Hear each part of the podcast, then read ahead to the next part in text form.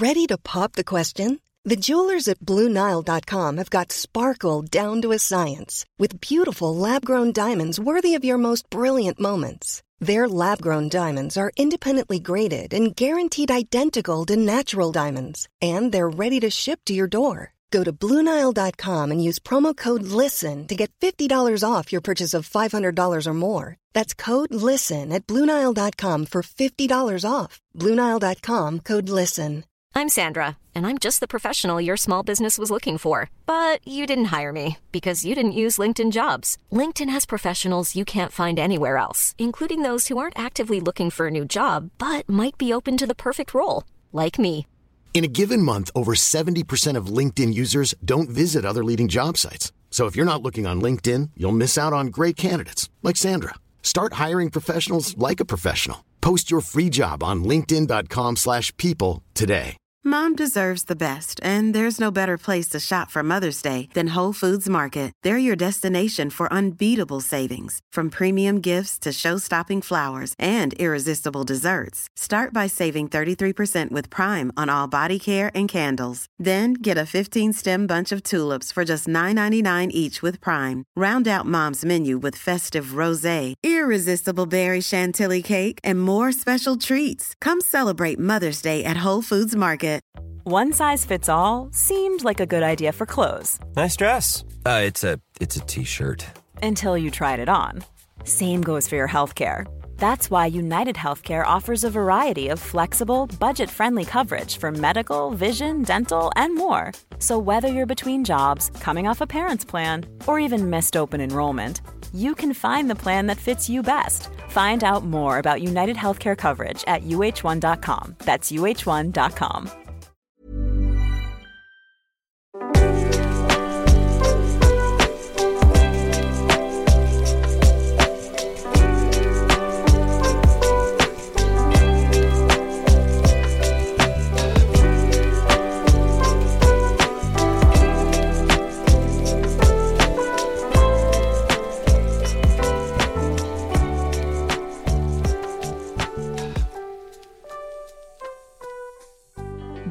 er tilbage i studiet, hvor vi har en gæst med i dag, Stine. Mm. Godmorgen. Velkommen mm. til Tine Stampe. Tak. Du er founder af Leroy, og vi er så glade for, at du vil være gæst i dag, fordi vi er så nysgerrige på både dit brand, på dig, din historie, og vi skal snakke en hel del også om fertilitet. Så vi er enormt spændte på at have sådan en ekspert som dig i studiet. Mm. Tak fordi du vil komme. Mm, Tusind tak, fordi jeg måtte komme. Jeg har glædet mig rigtig meget til at komme. I lige måde, og øh, jeg har jo testet dit produkt faktisk her de sidste par uger, siden vi mødtes første gang. Og må bare sige, ej, jeg skulle ikke til at sige, at jeg sover så godt, men hver gang jeg siger det højt, så jinxer jeg det. så, men jeg har sovet rigtig godt i nat. og jeg tror godt. simpelthen, de vitaminer, de hjælper. Så jeg glæder mig til, at vi skal dykke mere ned i, i dit brand og Mhm. produkterne. Mm. Mm. Men vil du ikke starte med at lige give en lille introduktion af dig selv? Jo. Hvem du er, og ja, hvad, vi, hvad du synes, vi skal vide? Ja, hvad skal I vide? Jeg hedder Tine, jeg er mor til tre. Ja. Gift med Peter på, vi har koverbryllup lige om lidt. Øj, tillykke. Det er ret vildt at være noget dertil. Ja. Øhm, og så, øh, jamen, så er jeg founder af LaRaw. Øhm, jeg har ikke haft en lige vej dertil sådan umiddelbart. Jeg tog springet fra Pfizer, hvor jeg var øh, i knap otte år. Øhm, altså, det er jo Pfizer, kender de fleste i dag mm. som dem, der kom med vaccinerne. Øhm, og er en af verdens største forskningsbaserede medicinalvirksomheder. Så der øh, startede jeg i HR, hvor jeg arbejdede øh, en del år, inden jeg kom ned og øh, sad som indkøber for råvarer. Og det var her, jeg sådan stiftede bekendtskab med vitaminer og mineraler. Hvor sourcer vi dem fra? Øh, laboratorier, eller er det råvarer, vi henter ude i naturen osv. Øhm, og øh, det var en rigtig, rigtig øh, fin tid, jeg havde der. Jeg stammer oprindeligt fra Svendborg, faktisk. Mhm. Øhm, men har boet i København i, i størstedelen af mit liv, og så har taget nogle smutture en gang imellem til, til udlandet, og blandt andet været i USA af, af knap tre år, hvor jeg afsted, hvor jeg læste Women's Health og Fitness, og jeg trænede heste derovre og så videre. Så, øh, Spændende. mm, så jeg har været lidt omkring. Du har prøvet lidt af hvert, Og øh, nu sagde du, at du er mor til tre. Vil du ikke lige sætte nogle ord på, hvor du er i dit moderskab lige nu? Jo, det vil jeg meget gerne. Øh, jamen, altså, jeg har, øh, vi har tre piger sammen, Peter og jeg.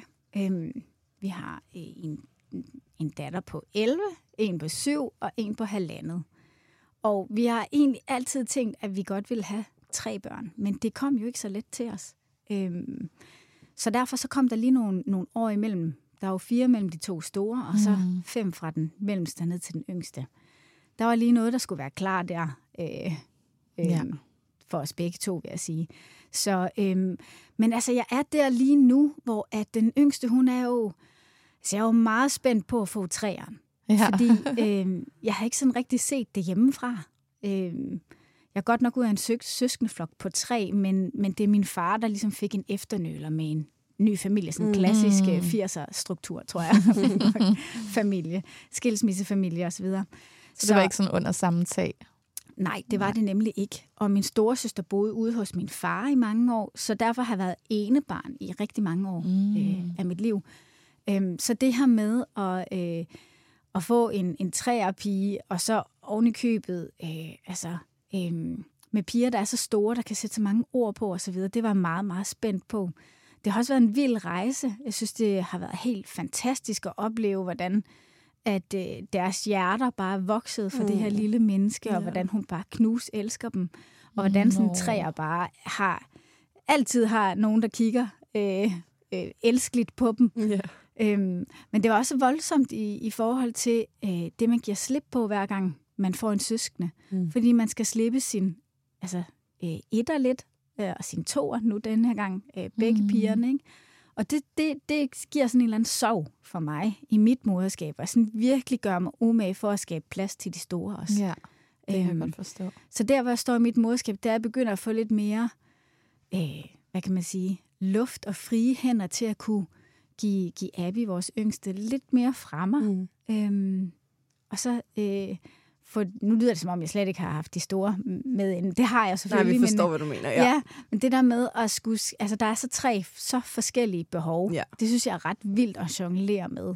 Øhm, ja. Så øh, det at få søsken, det er, en, det er en ret vild ting et eller andet mm. sted. Mhm. Hvor jeg tror faktisk, der er mange... Jeg blev lidt overrasket første gang, jeg fik en tor. Øh, eller første gang, jeg har kun fået en tor en gang. Men jeg blev overrasket over det der med, at den der trækløver, Peter og Charlie og jeg havde haft, den lige pludselig skulle blive til en firekløver. Og den sov der med at skulle slippe sit ja. første barn en lille smule for at give plads til noget nyt. Mm. Den overraskede mig. Ja. Øhm, ikke at kærligheden til hverken den ene eller den anden blev mindre. Det voksede ligesom bare. Det skulle bare fordele sig på en anden måde. Ja. Ja. Det skulle nemlig fordele sig på en anden måde. Jeg var faktisk nysgerrig på, da du sagde det der med at få en træer, om det mm. var nemmere tredje gang en anden gang. Et, fordi du du skrøster, I havde prøvet det før, men også fordi, at sådan, jeg tænker, når du får en træer, hvis ellers dine to ældste har et tæt bånd, jamen, de har ligesom, nu lyder det voldsomt at sige hinanden, det er jo ikke, fordi de ikke har jer, men det der med sådan, der er måske lidt mere, så leger de sammen, og det er også okay i forhold til, når du går fra et til to, hvor at den der baby kan jo ikke så meget endnu med den ældste, hvor man måske kunne føle sådan lidt, at bare den ældste nu ikke føler sig ensom. Altså, kan du føle, hvad ja. jeg mener? Ja, hvor, ja. hvor sådan, når der kommer en tre, og så har de to piger jo hinanden. De leger sikkert ja. sammen alligevel. Ja. Så de tænker måske ikke så meget over det. Men jeg tror, vores, altså, der var sådan et stort gap mellem de to, fordi der er fire års forskel. Og, øhm, og de har et eller andet sted... Øh, de, de konkurrerer sådan meget. Altså nu skulle de ikke kun konkurrere om mor og fars gunst, mm. nu skal de også konkurrere om den lille et eller andet sted. Ikke? Mm, okay. Så på den måde, så var der sådan en eller anden ny konstellation, der også lige skulle, øh, skulle sådan tages hånd om, eller hvad man kan sige. Og vores to, hun er meget selvstændig, og hun skal i hvert fald ikke hjælpe sin store søster. Så, øh, og det er sådan lidt, og det går fuldstændig imod den store ja. natur, som bare virkelig mm. gerne vil være det der omsorgsmenneske. Ja. Øhm, men får ikke rigtig lov. Og så, så kunne hun, så da hun fik en lille søster, altså nu får jeg også lige lov til, eller får lyst til at fortælle, at vi satte dem jo ned i sofaen, og så havde vi jo det her scanningsbillede. Oh, og så den filmer, klassiske, ja, den klassiske. og så skulle vi filme det hele, øhm, og ligesom sige, ej, I skal være storesøster. Og de sidder vildt spændte, og så får de det der, og Peter han filmer. og den lille, hun springer op i sofaen og bare, yes, hun skal være storesøster. Hun synes, det er helt fantastisk. Og den store, hun, altså, hun ligner bare oh, en, der faldt ned fra månen, ikke? Men smiler, fordi hun ved, det, Det skal man. Det, det skal man. Det er der ligesom forvent. Altså, hun ved godt de sociale. Så, øhm, så vi fik, og så trak hun mig sådan til siden, og var hun sådan lidt, mor, altså, kan du slet ikke huske, Emilie ikke sov? Og kan du ikke huske, altså, kan du ikke huske, hvordan det var? Jeg Altså, skal lige høre her. Ved I, hvad I laver? Ja, hun var sådan, er det en god idé? Og så havde vi hele... Har I gennemtænkt det her ordentligt? Jeg skal lige høre. Så jeg blev sådan lidt, øh, jamen, jamen, skat, jamen, jo selvfølgelig, at det skal nok gå, og man kan ikke få to børn med en nejtager, og du ved, det kan simpelthen ikke lade sig gøre. At der kan ikke, man kan ikke få to kolikbørn i træk, og du ved, måtte sådan berolige hende og mig selv. Øhm, og da baby så kom, så blev det bare hendes baby. Åh, Totalt. fint. så, øh, men altså, den der, sådan, altså det der med at så skulle gå og fortælle hende, det, er, det, er, det skal nok blive godt, det hele. Bare Sådan, rolig, vi har ja, styr ja. på det. Og det, men er jeg synes også, det var fint og dejligt, hun turde at reagere. Ja, Øhm, absolut. og fortælle og sætte ord på, ikke? Fordi det er ikke bare altid bare sådan, juhu, nu skal Nej, vi have en søskende mere. Øh, for, for, ja, jeg ved ikke. Det er jo nok blandede følelser, Ja. det kommer med, man skal dele sin mor og far igen. Selvfølgelig. Ja. Helt klart. Ja, jeg tror, det er meget enten eller, der var de der børn, der hvor det bare den store drøm, og de bliver mega glade. Eller så er det sådan nærmest det helt omvendte, hvor ja. De vil heller bare have en hund, ikke? Ja, ved du hvad, det er så sjovt, du siger det, fordi hun troede faktisk, at vi havde sat hende ned for at Åh, fortælle hende, at hun skulle have en nej. hund. Ja, men så er det altså også bare kedeligt at få et scanningsbillede. Ja, ja, for pokker. Men altså, hun er jo efterfølgende bare sådan. Ja. Så, Ja. Og nu så, får hun måske lov til at få den plads til at være den der moderlige store søster, hun gerne vil være, som nummer to præcis. måske ikke lige har været interesseret i. Så de to små, de leger. Ja. Øhm, og der har Charlie ligesom, hun leger også med hende, men på sådan en, en, en, en anden måde, hvor hun faciliterer meget af Mm. lejen. Og sådan noget. ja. Eller faciliterer. Ej, ja. også hyggeligt. De er så forskellige alder, man virkelig kan se Der er virkelig, forskellen på en eller anden måde. Ja. Det skal de nok få meget glæde ud af. det håber jeg. Mm. Altså, jeg tænker jo meget over det her med, der er mange søskende, der ikke ser hinanden. Mm. Øh, og mange familier, der ikke... Altså, og hvad er det så, der går godt? Ja. Ja. Hvad er det, man gør rigtigt i de familier? Eller, øh, ja, øh, hvad er det, man gør anderledes? Er der nogle ting, man kan gøre for at skabe et lidt bedre, mere sundere bånd mellem, Mm. øh, mellem Jeg tror søskende? helt klart, at man som forældre kan gøre meget for at skabe en base, hvor at man laver ting sammen, og hvor man sætter familie højt, og der er tradition. Altså, sørge for, at man bruger tid sammen, men i sidste ende, altså, der, jeg kender masser, der også er vokset op i sådan nogle konstellationer, hvor de bare har været så forskellige, at som voksne, de måske bare ikke, altså de aldrig har fået, altså jeg tror bare, det er jo individer også, ikke? Bare fordi Jo. man er søskende, er det ikke en garanti for, at man bliver tætte, men, men tit og ofte, så tror jeg, det er en god hjælp, hvis det er. Det er det i hvert fald, vi er enormt tætte begge to med vores søskende, også på trods af Stor altså aldersforskel, aldersforskel og alt muligt. Der er også Mm. fire år mellem mig og min søster, og du har, ja, du har tre yngre søskende, der, der er jo meget forskellige Ja, aldersforskel på jer. 3,5, 8 og 16 år. Mm. Øhm, ja, så der... Ja. Ja, jeg ved Man simpelthen heller ikke, hvad opskriften er på, hvor, altså, hvordan ender man som den der tætte kernefamilie. Men man må bare gøre, hvad man... Mm. Mm. Ja.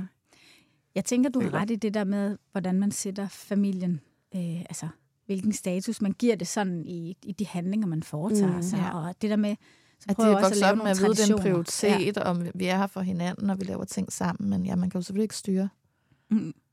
hvad de ender med at gøre. Nej, nej, nej.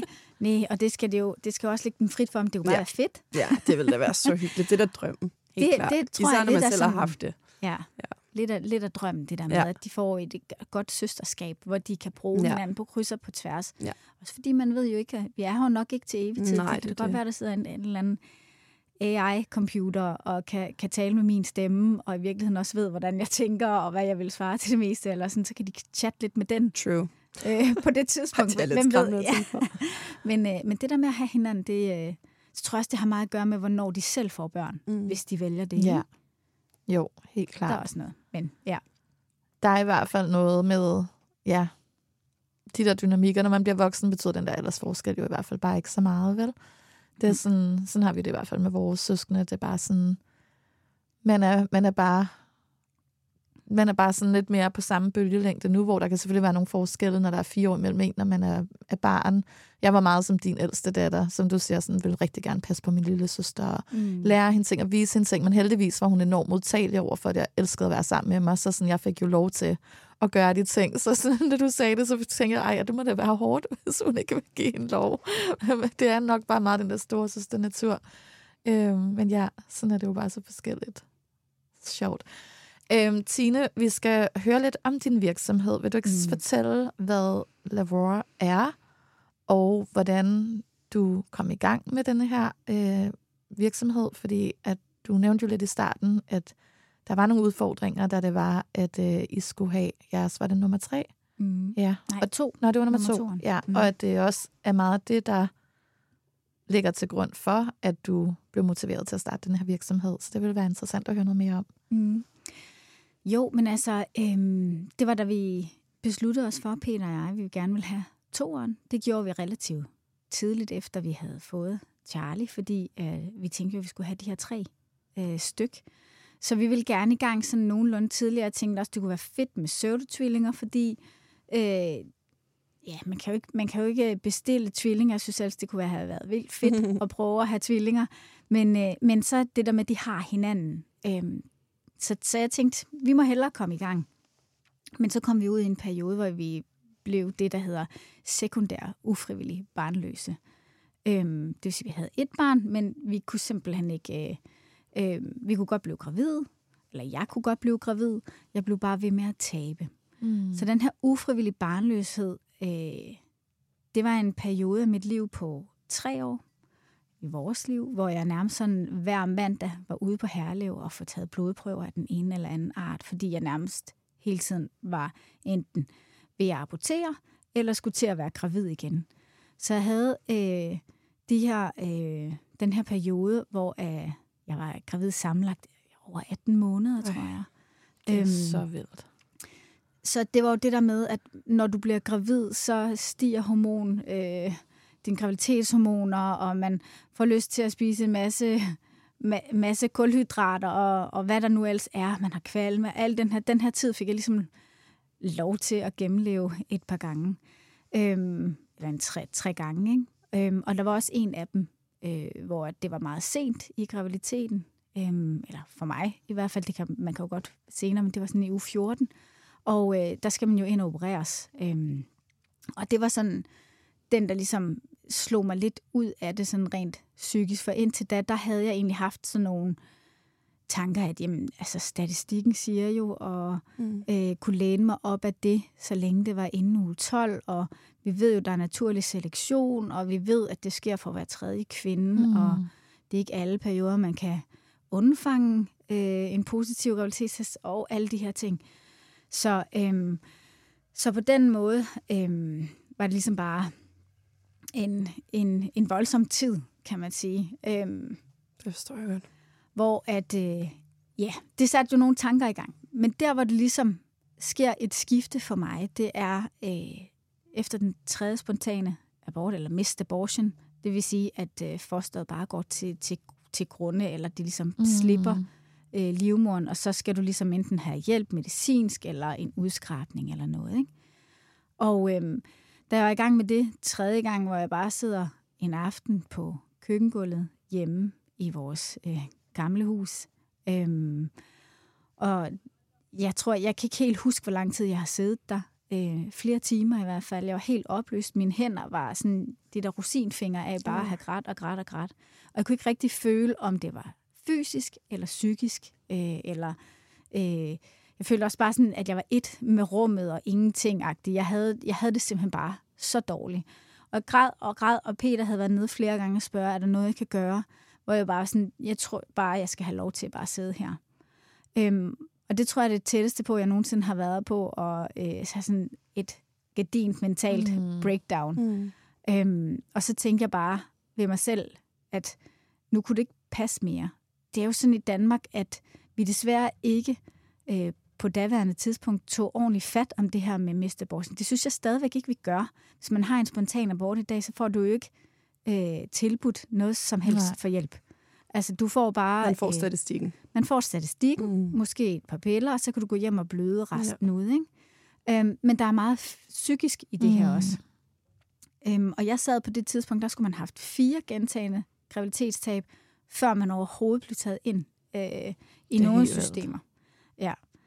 Der var jeg jo bare nedbrudt. Og så tænkte jeg, jamen, jeg sidder her, og jeg har verdens største netværk i, lige på arbejdspladsen i Pfizer af gynekologer og professorer og Ph.D.'er, og øh, vi har netværker ude på de diverse sygehuse og, og så videre. Altså, der må der være nogen, jeg kan, kan tage fat i selv, og så ligesom gøre noget selv. Og det tror jeg bare blev kimen til jamen, faktisk resten af mit liv. Så jeg græd resten af natten, og dagen efter øh, stod op og gik på arbejde. Det gør man jo. Øh, også øh, mm. i de mm. her perioder. Og så øh, begyndte jeg altså at spørge ind til, hvad kunne jeg selv gøre? Det var meget den her sådan, nu havde jeg brug for en eller anden form for nyt håb. Øh, og det var for mig øh, at, at, at tage, lave, altså, hvad hedder sådan noget, take action. Øh, mm. øh, og så ligesom øh, handle mm. mig ud af det, og prøve at handle mig til, om der var nogle ting, jeg kunne gøre. Og det, jeg fandt ud af, det var, at der var rigtig meget, jeg kan gøre. Så der var rigtig, rigtig meget, jeg kunne gøre for min fertilitet. Der var rigtig meget, jeg kunne gøre for at gøre mig klar til, øh, og øh, også i forhold til Peter, som han kunne gøre mm. øh, i forhold til øh, en sund graviditet. Vi har så fundet ud af, at der var meget mere på hans side, end vi i virkeligheden vidste. Mm. Men hvis vi bare skal holde den på egen banehalvdel her til at starte med, så fandt jeg ud af, at der var jo i forhold til min søvn, mine relationer, min kost, min motion, øhm, min kosttilskud var jo så også en del af de brækker. Og øhm, jeg begynder at undersøge det hele, og det, det tager mig ud på en rejse, hvor at jeg øhm, i mit netværk og i og med, at jeg sad og indkøbte råvarer fra Pfizer i, til alle vores produkter, vi havde både over-the-counter og øhm, kosttilskud ude på den produktion, hvor jeg sad. Øhm, og vi havde ovenikøbet også laboratorier, hvor man udviklede vores egne produkter. Så der går jeg ned i laboratoriet, og så spørger vores øh, cheffarmaceut i forhold til, at nu spiser jeg jo de her vitaminer og mineraler, øhm, som øhm, vi jo havde stående og så videre. Og så forventer jeg egentlig bare, og øh, at hun, hun måske havde fortalt mig, at så skulle jeg bare have en fiskolie med, eller noget mm. omega, eller et mm. eller andet i den dur. Øh, men det er slet ikke det svar, jeg får. Hun beder mig faktisk nærmest øh, ved, øh, tage stilling til de her produkter, som jeg står med i hånden, i forhold til, hvor, øh, hvor stammer de fra? Altså, hvor er kilden fra? Er den syntetisk? Er den organisk? Øh, hvad er forskellen? Hvordan optages det forskelligt i, i vores kroppe? Hvorfor er der noget, der bliver hængende som toxic, og hvorfor er der noget, vi kan bare optage direkte og få, og få rigtig god øh, effekt af? Øhm, så det, det bliver jeg udfordret på, og det bliver jeg virkelig, virkelig overrasket over. Så jeg går faktisk hjem øh, med den her bog, som jeg har fået med, og dykker ned i kilder på vitaminer og mineraler, omega-3-fedtsyre, fandt ud af, at jeg vil slet ikke have fiskolie, jeg vil have krillolie, øhm, og så videre. Det er der en, et hav af grunde til, men det kan jeg dykke lidt mere ind i, hvis der er. Mm. Øhm, og, øhm, og det sætter mig på en helt ny rejse, og vi joker sådan lidt med derhjemme, at øh, så har Peter nærmest ikke set mig siden. Fordi jeg blev bare sådan, altså jeg blev virkelig grebet af det her, og når jeg så mig selv efter i sømne på alle de her ting, så, så tror jeg, man skal vælge nogle fokuspunkter, for vi kan ikke det hele, og vi skal ikke det hele. Mm. Men der, hvor jeg ligesom havde øh, tabt meget af min fokus, det var i forhold til min kost og min ernæring. Øhm, og så skal man arbejde lidt efter den her 80-20-regel, eller det er sådan en, ja. en regel, jeg godt kan lide. Øhm, altså, hvad er det, der giver 80 procent af, af udslaget? Og kost er jo virkelig, virkelig vigtig for vores ved og vel. Øhm, både mentalt, øh, også, men også fysisk. Mm. Øhm, det er klart, det skal støttes op af nogle flere ting osv. Men, øh, men det var der, hvor jeg ligesom kunne sætte rigtig meget ind. Så i hver mit job kunne jeg jo få nogle nogle råvarer, nogle kilder hjem, som jeg bare biksede i smoothien. Og, øhm, og det fungerede rigtig fint. Tre måneder senere, så har jeg, jeg har også gjort nogle andre ting. Jeg har skåret rigtig meget sukker, raffineret sukker fra, øh, fra min kost. Jeg havde fokus på min søvn og så videre. Men jeg vågnede bare om morgenen, og så var jeg bare knivskarp. Og jeg sov godt om natten. Øh, Hvilket jo også bare er uh, en af de ting, nu peger på dig, Therese, når jeg siger det, fordi du har nemlig også fortalt, at du oplever det her med at sove. Mm. Sove godt på næringsstofferne. Vi anbefaler at man spiser dem, inden man går i seng. Ja. Uh, modsat mange, som jo spiser deres kosttilskud om morgenen. Og der hører en lille sjov historie med. Det er jo fordi, at producenterne har siddet derude og tænkt, ej, vi skal sælge nogle flere kosttilskud, men folk de glemmer at spise dem. Mm. Så hvis vi nu siger, at de skal spise dem med deres morgenmad, fordi så så husker de det ligesom, og så bliver det ligesom en del af morgenbordet. Mm. Og så gjorde man meget ud af det, og så var der en marketingsafdeling, der lavede morgenbord og satte kosttilskud mm. på, og tog nogle flotte billeder og sendte det ud, og så videre. Ja. Øhm, og så er det ligesom blevet vanen. Men kaffe hæmmer op til, eller optagelsen af rigtig mange øh, kosttilskud. Der er rigtig mange, der drikker kaffe om morgenen. Mm. Så er der sådan noget som øh, juice og alt muligt med sukker i, og sådan noget sukker hæmmer optagelsen af rigtig mange vitaminer og mineraler. Det har noget at gøre med, at, at tarmsystemet og så videre, de, de optager det, der er lettest optageligt. Mm. Og mange af de vitaminer, vi gerne vil have, som B-vitaminer for eksempel, øhm, og folsyre er jo sådan en af de vitaminer, man anbefales, når man gerne vil være gravid og er gravid. Øhm, og det er jo en B-vitamin, den optages højt i tarmen, og det er også der, hvor sukker og så videre ligesom optages. Og så smutter det ligesom bare forbi, mm. øhm, fordi sukkeret, hvad kan man sige, i citationstegn tager pladsen. Ikke? Mm-hmm. Øhm, så folsyre, hvis du lige vil sætte nogle ord på mm. det, det var jo en af de ting, du øh, fortalte os om, og som er, du vil gerne må sætte nogle ord på, fordi at man får jo bare den der klassiske info, fordi jeg tror, de fleste, når de gerne vil være gravide, så går de bare ned og køber bare den nemmeste og billigste ned på apoteket, eller hvor det nu er, ikke? Og, øh, og jeg var da ikke opmærksom på, på hele det her emne. Nej, mm, og det er jo lige præcis det. Altså folsyre er jo også sådan en, en, en B-vitamin, som sagt, den hører til B-vitamingruppen. Når man skal have en B-vitamin, og hvis man skal kunne optage den optimalt osv., så, videre, så er det rigtig vigtigt, at der sidder de andre B-vitaminer med også. Så enten skal du have det i tarmen i forvejen, eller også så øh, skal du simpelthen have et tilskud, et kosttilskud, hvor de er der alle sammen på en gang. Mm. Derfor tager vi altid alle B-vitaminer sammen med vores produkter, for eksempel.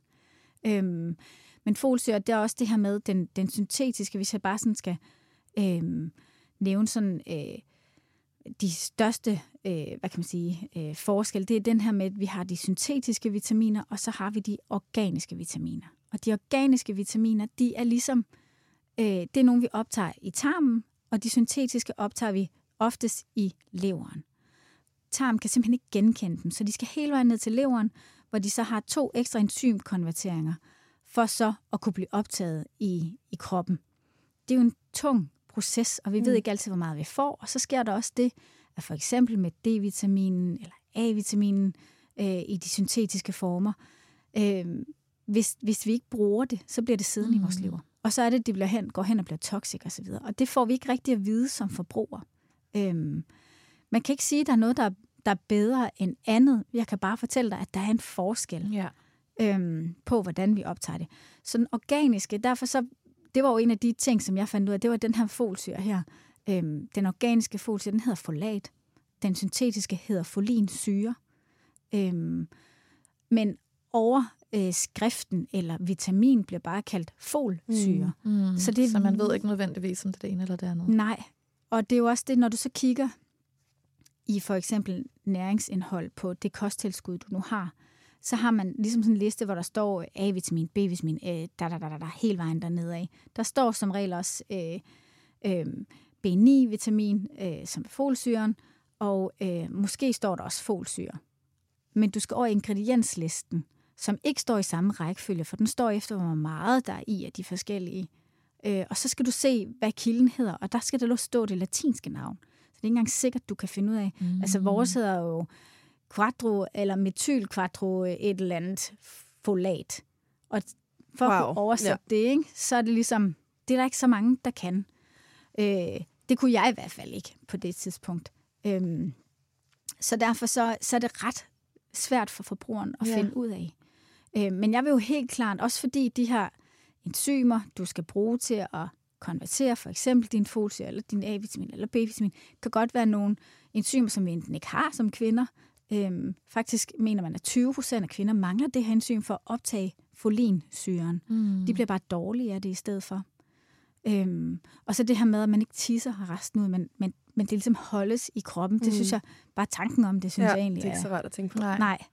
Øhm, og så det her med, det, det er noget, man giver videre til, til sit barn. Så et eller andet sted, da jeg fandt ud af det, der havde jeg bare lyst til at råbe og skrige ud ja. til hver en kvinde, mm. jeg mødte på gaden. Ja at stille mig ned på apoteket øh, og, og råbe mm. op omkring det. Ja. Øhm, det er jo ikke farligt, så det er jo ikke sådan, at jeg skal gå ud og lave sådan en skræmmekampagne. Det er bare en anden måde at optage ja. tingene på og, og have tingene i vores krop, og vi ved jo ikke altid, hvordan og hvorledes. Nej, og bare det her at vide det, så man kan tage et aktivt valg, og man så ved det ene eller det andet, men hvor det er sådan, gud, man anede jo ikke, der var en forskel, for havde jeg vidst det, så havde jeg da startet med at tage folat dengang, ja. i stedet for folinsyre. Ja. Og det er jo sådan og så spørger man måske sig selv som forbruger, men hvorfor, hvorfor er der ikke nogen, der råber op om det? Øh, og det, det, det er jo så lille mig, kan man sige, hvor der sidder nogle store mastodonter derude. Ikke? Øh, mm. min folsyre, eller min folat, den koster jo altså 10 gange så meget ja. som en, en syntetisk, der er lavet i laboratoriet folinsyre. Øh, producenterne har måske ikke den største interesse i at gå ud og råbe op om det her, øh, fordi forbrugeren kan ikke altid gennemskue det. Og det, der ligesom er nøglen til det, det er, at nede i EU, der sidder man ligesom på sådan en vitaminliste. Og ud fra hver vitamin, der står de her anprisninger, som man må give. For eksempel fol, fol, øh, folsyre bidrager til vævsvæksten hos den gravide kvinde. Øhm, det er den mm. sundhedsanprisning, der hører med til der. Men EU skældner ikke, om det er en syntetisk kilde Nej, okay. eller en organisk kilde. Og det er præcis det samme med A-vitaminet faktisk også. A-vitamin frarådes jo i nogle lande, når man gerne vil være gravid. Men A-vitamin er en af dem, der bidrager til øh, celledelingsprocessen. Det er super vigtigt. Det bidrager til opbygning af slimhinder osv. Øh, også super vigtigt, når man gerne vil være gravid. Men der er igen den syntetiske retinol, som optages i leveren, eller der er beta-karotenen, som du tisser ud, hvis det er, du ikke bruger resten. Mm. Og specielt A-vitamin er sådan en, øh, det er ikke vanvittigt høje mængder, man skal have. Så er faktisk i, i England fraråder man gravide kvinder at spise A-vitamin, men det er retinolen, de fraråder, mm. fraråder dem. Men det hedder jo retinol A-vitamin et eller andet, ikke? Ja, Øhm, det giver så god mening. så, så det er der, at det, det bliver svært, ja. med, hvor vi ligesom har en branche, eller en, en hel industri nærmest, som, som jeg tror står over for en kæmpe revolution. Og jeg har øh, altså blevet udf- jeg bliver jo selvfølgelig udfordret på det her mange gange. Sådan, øh, hvis man sidder med nogen, øh, kan man sige, altså ved forbrugeren det, og kan forbrugeren finde forskel, kende forskel osv., hvor jeg tror sådan, øh, det tror jeg, at forbrugeren er ved at være klar til. Mm. Mm. Altså fordi vi er virkelig, virkelig, virkelig oplyste i dag. Og det er jo også nogle af de spørgsmål, jeg får sådan med, nu når vi arbejder meget med fertilitet øh, hos Leroy. Vi er jo øh, et kosttilskudsbrand. Ja, Vi vil du ikke lige fortælle om de produkter, der er i jeres portefølje? Jo, det vil jeg gerne. Vi har jo øh, Fertility Care og Fertility Man, som er til før graviditet. Øhm, og øh, det er helt bevidst, at vi også sætter fokus på, på manden, fordi der er rigtig, rigtig meget, han kan gøre i forhold til sin sædkvalitet. Det er jo sådan, vi kvinder, vi er født med de æg, vi har. Mm. Så det vi skal gøre, det er, at vi skal skabe nogle gode betingelser omkring æggene. Manden, han laver et nyt batch hver tredje måned, så det tager ham cirka, øh, øh, ja, cirka tre måneder at lave sådan, altså en, en sædcelle helt fra ny. Og det er altså helt ned Så til han kan DNA. virkelig gå fra at være i princippet super usund, drikke og ryge og det ene med det andet, til at omlægge sin kost og sin søvn og alle de her ting, og få et helt andet Sundt. produkt. Ja. Fuldstændig, ja. Der er rigtig, rigtig meget, han kan gøre. Han kan selvfølgelig godt have et eller andet medfødt, der gør, at han øh, altså Det er klart. mekanisk øh, defekt. Men, øh, men det her med, med livsstil, det er simpelthen så stor en del af mandens, øh, øh, hvad kan man sige, øh, mulighed for at ændre, øh, ja, for at ændre øh, sin sædkvalitet helt ned til DNA'et. Og det er jo også det, hvor man, man i Danmark modsætning mange, øh, mange steder i udlandet kigger på øh, kvantitet i stedet for kvalitet, når vi tester mandens sæd. Så det er sådan et, et råd til alle, der gerne vil ud og være gravid, uanset om man har haft udfordringer eller ej, så vil jeg anbefale, at man får testet øh, hans øh, sædproduktion, øh, og at man får testet kvaliteten, altså ind i DNA'et. Og det koster et, et par tusind at få taget sådan en test, i stedet for kvantitet. Altså så måler de på, hvor mange svømmer, og svømmer de lige ud og fremad og alle de her ting. Og hvis der er et vist antal, så siger man, okay, så har han god sædkvalitet. Mm. Men de Det kan i princippet være, rigtigt. være, være tomme inde i kernen. Mm. Men er der ikke også noget med, at vi skal lige tilbage til produkterne om lidt, men, men mm. at øh, det ved jeg, du taler, øh, I taler om i nogle af episoderne mm. På din podcast, som, ja. Som vi lige skal nævne om lidt, øh, Join the Pudding Club, med det her med, en ting er, altså lad os sige, at du lever rigtig usund som mand, og, men at du stadigvæk godt kan gøre din kæreste kone gravid. Øh, det, det er jo ikke sikkert, at det gør du altså, at fertilitet nødvendigvis, det er klart, den generelt set vil den blive dårligere af det, men lad os sige, der er jo masser, der godt kan gøre kvinden gravid alligevel, men at det udgangspunkt for den sædcelle er bare altså, meget dårligere i forhold til, hvad der bliver skabt i barnet, end hvis det var mm. en sund sædcelle.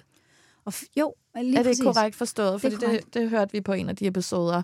Det her med, hvor vigtigt det faktisk er. Altså en ting er, hvis du ikke kan få børn, og du har prøvet længe, men hvor vigtigt det er, at du gør dig nogle tanker, inden du går i gang, hvis du alligevel ved, du planlægger efter det, at du faktisk tager nogle, nogle skridt for at være så sund, som du kan i, i de der 3-4 måneder op til, øh, både som mand og kvinde, for at det produkt, der også så kommer ud af den graviditet, altså bliver det det sundeste øh, barn, det, det forhåbentlig kan blive. Ikke? Mm. Og det er jo også det, vi ser. Øh hvis en mand har dårlig sædkvalitet i dag, så er det øh, 100% sikkert, at får han en søn, så giver han den dårlige sædkvalitet videre. Og det samme med også de æg, vi har øh, fået. Det er jo nogle, vi har fået med fra vores mor. Mm. Øhm, og øh, og det, det skal man jo også gøre sig af tanker, når man, øh, når man skal have øh, børn og så videre. Det er jo det der med, hvad er det for en baby, man får skabt. Men det er sådan skridtet videre. Og det er sådan, vi bevæger Ja, os virkelig synes, ud vi på hører noget- meget om i Danmark, det der med, hvad der skal der til for at blive gravid, mm. fordi der er mange, der har problemer med mm. fertilitet. Men hele det der ekstra lag er, mm. en ting er at blive gravid eller ikke at blive gravid, men at du også, der er også stor forskel på, hvad er det for en sammensætning, der kommer, altså hvad, hvad kommer den svømmer fra, og det æg fra, i forhold til at skabe den bedste øh, miljø Ja, lige præcis. for det her kommende barn, ikke? Jo, og det er jo det. Altså, jeg vil jo gerne tale med kvinder og par, inden de når derud, hvor det bliver svært. Mm. Øhm, desværre så er det jo sådan, at når det etablerede system ikke fungerer, så går vi til det, vi kalder for alternativt. Så, øh, og i Danmark, der har vi en kultur for, at øh, ent, det er sådan lidt enten eller. Enten så er det sådan et, ups, hej, nej, det skete bare. Ej, hvor er det fedt. Eller også så er det derude, hvor vi er ude i fertilitetsbehandling på 2., 3., 4., 5., mm. 6., etc. år. Øhm, og det er sådan lidt, øh, hvor andre kulturer, det er jo, de har nogle, måske, nu ser jeg mange fra for eksempel Mellemøsten eller øh, Østeuropa og så videre, når de, øh, de starter med at blive gift, og så skal de have børn. Og så planlægger de det. Og så tager de kontakt til, til mig, øh, og det, så, så jubler jeg jo bare, er totalt glad, fordi at, at de forbereder sig mm. på den her graviditet. Så det er ikke, fordi der nødvendigvis er et opstået et problem endnu. De vil bare gerne sørge for, at de, de har de bedste sig. forudsætninger. Mm. De forbereder sig, og, og kosttilskud er også en, en anden del af deres kultur og natur. Altså det, jeg kan tydeligt mærke forskel. Hvor de, mange af de danske par, jeg møder, det er først, when the shit hits the Mm, fan. når problemet er opstået. Ja, Ja. ja, når problemet er opstået. Ikke? Og de har måske forsøgt Mm. øh, gennem noget tid, og nu begynder de at undersøge Ja. ja. sådan nogle ting. Og, øhm, og, og skørt nok, så er sådan noget som motion og kost og livsstil og sådan noget øh, stadigvæk en smule alternativt i, øh, Mhm. i øh, Det er vores... sådan noget, øh, man kun lægger om, når der er et problem, i stedet Ja. ja. for reelt at se det som, altså lidt ligesom at se det som et maraton for eksempel. Mm. Vi skal løbe det her maraton, selvfølgelig træner man op til det, selvfølgelig lægger man kosten om for at få de bedste forudsætninger. Så det bør man jo virkelig også gøre med noget så vigtigt som et barn. Altså, Ja. kunne, ja. med hele livet et eller Ja. andet sted, ikke? Ja, man vil jo ikke møde op på den der maratondag, uden at have trænet, uden at have og bare sådan komme direkte fra en, en, en tur i byen, ikke? og være Jo. helt hungover, og så håbe, at det blev et godt resultat. Ja. Altså, det, det synes jeg er en god sammenligning. Jeg kan også meget godt lide den. Det er også øh, det er så sjovt det der med, at med, med, med, med mændene, altså, jeg skal virkelig overtale nogen for at sige, du har lige tre måneder her, gud mm. makker, hvor du ikke skal drikke Og alkohol. det er ingenting. Du skal ikke ryge, Nej. og du skal ikke til gengæld, så lover jeg dig, 1000 procent, at når I er blevet gravid, eller din kæreste er blevet gravid, så tager hun den skulle lige ni måneder. Mm. Ja, du kan godt ikke? klart tre Så måneder. kunne vi ikke lige tage de her tre måneder, Ja. hvor du bare laver fucking supersæd, og så bare fyre den af et eller andet sted, Og fordi det, det har noget at sige i forhold til øh, barnets gener fremadrettet. Mm. Øhm, så, men jeg ved Men ikke, tror du, der er et tabu omkring det? Fordi at mænd, det er sådan... Jeg tror, der er mange mænd, der ikke engang vil kunne lide at høre det. Altså det, du siger er jo faktuelt. Men hvor de vil være bare sådan, men jeg er en mand, jeg laver bare super sæd. Altså sådan, hvor det først, hvis der var et problem, at de sådan... Jeg tænker bare, om der, kan, der er lidt af den der disconnect, hvor at, at det sådan bliver lidt en berøringsangst, fordi om det, det sådan forventer de bare, at det skal de jo have, så det, sådan, det bliver sådan lidt en ego-ting. det, For det er jo helt naturligt, at man skal lige omlægge ja. en livsstil, hvis der er noget, man gerne vil performe? Ja. ja, altså, øhm, det er et godt spørgsmål. Jeg tror, øhm, altså, det er jo bare træls at skulle ligge, altså, og man skal virkelig være motiveret, og man kan sige, øh, vi kvinder, det øjeblik, vi træffer beslutningen, at nu vil vi gerne være mor eller mødre, med eller uden en kæreste, øhm, så begynder vi at ankomme som mødre. Mm. Altså, vi ser barnevogn rundt omkring, vi ser øh, gravide maver, vi begynder at lægge mærke til øh, alle mulige, altså vi begynder at få alle mulige babygejl i vores feeds og så videre, altså fordi vi bare sådan lige pludselig bliver, øh, vi begynder at tænke over, hvad vi spiser, ja. hvordan vi drikker, hvad må vi ikke spise, hvor mange kopper kaffe må vi tage. Alle de her ting begynder vi ligesom at, at ankomme med. Øhm, og det er lidt anderledes, og måske altså lidt mere fjern, fordi det ikke er en fysisk eller en kropslig ting for en mand, mm. en graviditet. Altså han kom, ankommer jo nærmest med barnet mm. i nogle tilfælde, og ankommer øh, sådan løbende. Jeg har set tilfælde af mænd, som øh, nægter den rejse, hvis man kan sige det sådan, og vil være en del af det. Og det er ham, der tager øh, teten på, øh, hvad sker der i den her uge? Hvad sker der i næste uge? Altså Peter havde for eksempel sådan en, en så læste han op for mig, hvad sker der i den her uge med barnet? Åh, oh, nu kan det høre mm, øh, ind i maven, fint. og alle de her ja. ting. Det var rigtig fint, og det var en rigtig god måde for ham også at være sådan en, mm. en del af det, øh, hvis det er det, man, ja. man ligesom har lyst til. Og det er også en af de ting, der det her med fertilitet. Det er jo ikke et kvindeligt, det er jo ikke et, kun et kvindeord. Nej, og det er derfor, jeg synes, det er fedt, hvis vi lige hopper tilbage til dine produkter ja. der, at der også er, det var det, den startede, ja. et produkt til manden, fordi ja. det bliver tit sådan kvindens problem, og det er jo mm. meget nemmere for mænd. Nogle gange er det også kvinden, at den, men, men det er trods alt nemmere at starte med manden, bare sådan ja. rent fysisk, så derfor er det jo også kun øh, oplagt, at der er et produkt til dem. Ja, der skal jo være et produkt til begge, kan man sige, op til, ja. til, til graviditeten. Så der er de to op så, til graviditeten. Ja, så vi har fertility care og fertility man. Det er op til graviditeten, mm-hmm. og hun skal så fortsætte med fertility care, indtil hun øh, øh, indtil første trimester, omkring uge 10 cirka. Mellem uge 10 og uge 14, så anbefaler man skifter til pregnancy care. Der ændres dit og det lille spirs øh, behov, så man skal have noget med ekstra jern og, og sådan nogle ting øhm, noget mere calcium osv.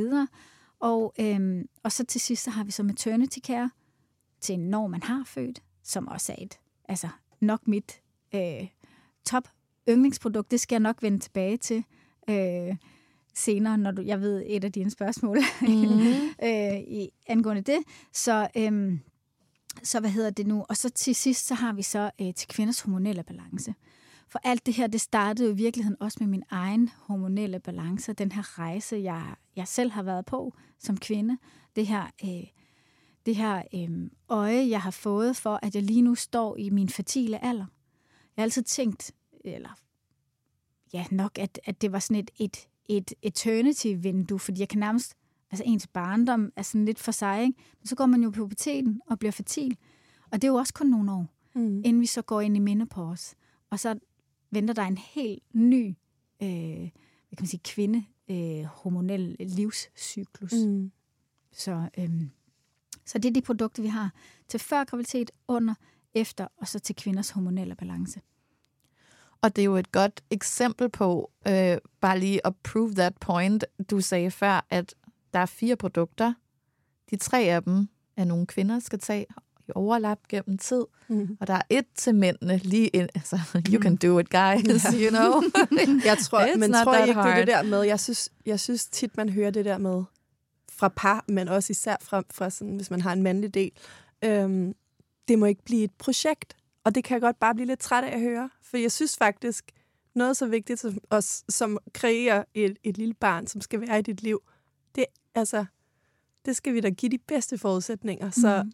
Jeg kan godt forstå, det, det kan blive lidt for mekanisk, hvis man skal prøve på særlige tidspunkter osv., men sådan, lav nu de bedste forudsætninger. Så jeg synes faktisk godt, at man kan vende det der med, at altså den negative holdning til, at det ikke må blive et projekt til, jo, vi må godt forberede os på, at vi på et tidspunkt skal indgå som forældre, fordi det er et kæmpe skift. Så jeg synes faktisk godt, at vi må gøre os lidt umage. Jeg mm. tror, du har så ret i det der, men jeg tror, og jeg forstår godt, hvorfor at der er mange, der har det sådan. Øh, jeg tror, hvis jeg havde været i en, en mere klassisk par setup og ikke mm. skulle have været i man kunne så ind i fertilitetsbehandling alligevel, ja. så tror jeg også, at jeg ville have haft en indgangsvinkel. Sådan, ah, vi, vi prøver bare at sende, og det skal, ja. det skal ikke blive sådan, fordi det, man kan føle, at det bliver et pres, at ja. hvis man gør alle mulige ting, og hvis det så ikke lige lykkes, så, altså der er jo selvfølgelig også en masse psykisk og mentalt i det, det er vigtigt, og den, den, at man har sig godt. selv ja. med. Men jeg tror, du har så ret i, at det er fordi, at vi har en vi ser de ting i Danmark, som du sagde, Tine, vi ser det som en problemløser. Altså, så jeg tror, vi forbinder det mentalt med, når hvis jeg skal lægge alkohol til siden, og hvis jeg skal tage de her øh, vitaminer og de her forskellige ting, så, altså sådan, så er det, fordi jeg ikke bare kan selv, og hvor det betyder jo ikke nødvendigvis, at det er, fordi du ikke vil kunne selv. Mm-hmm. Det, som du siger, det er jo bare at forberede sig og sætte nogle endnu bedre, øh, hvad hedder det, øh,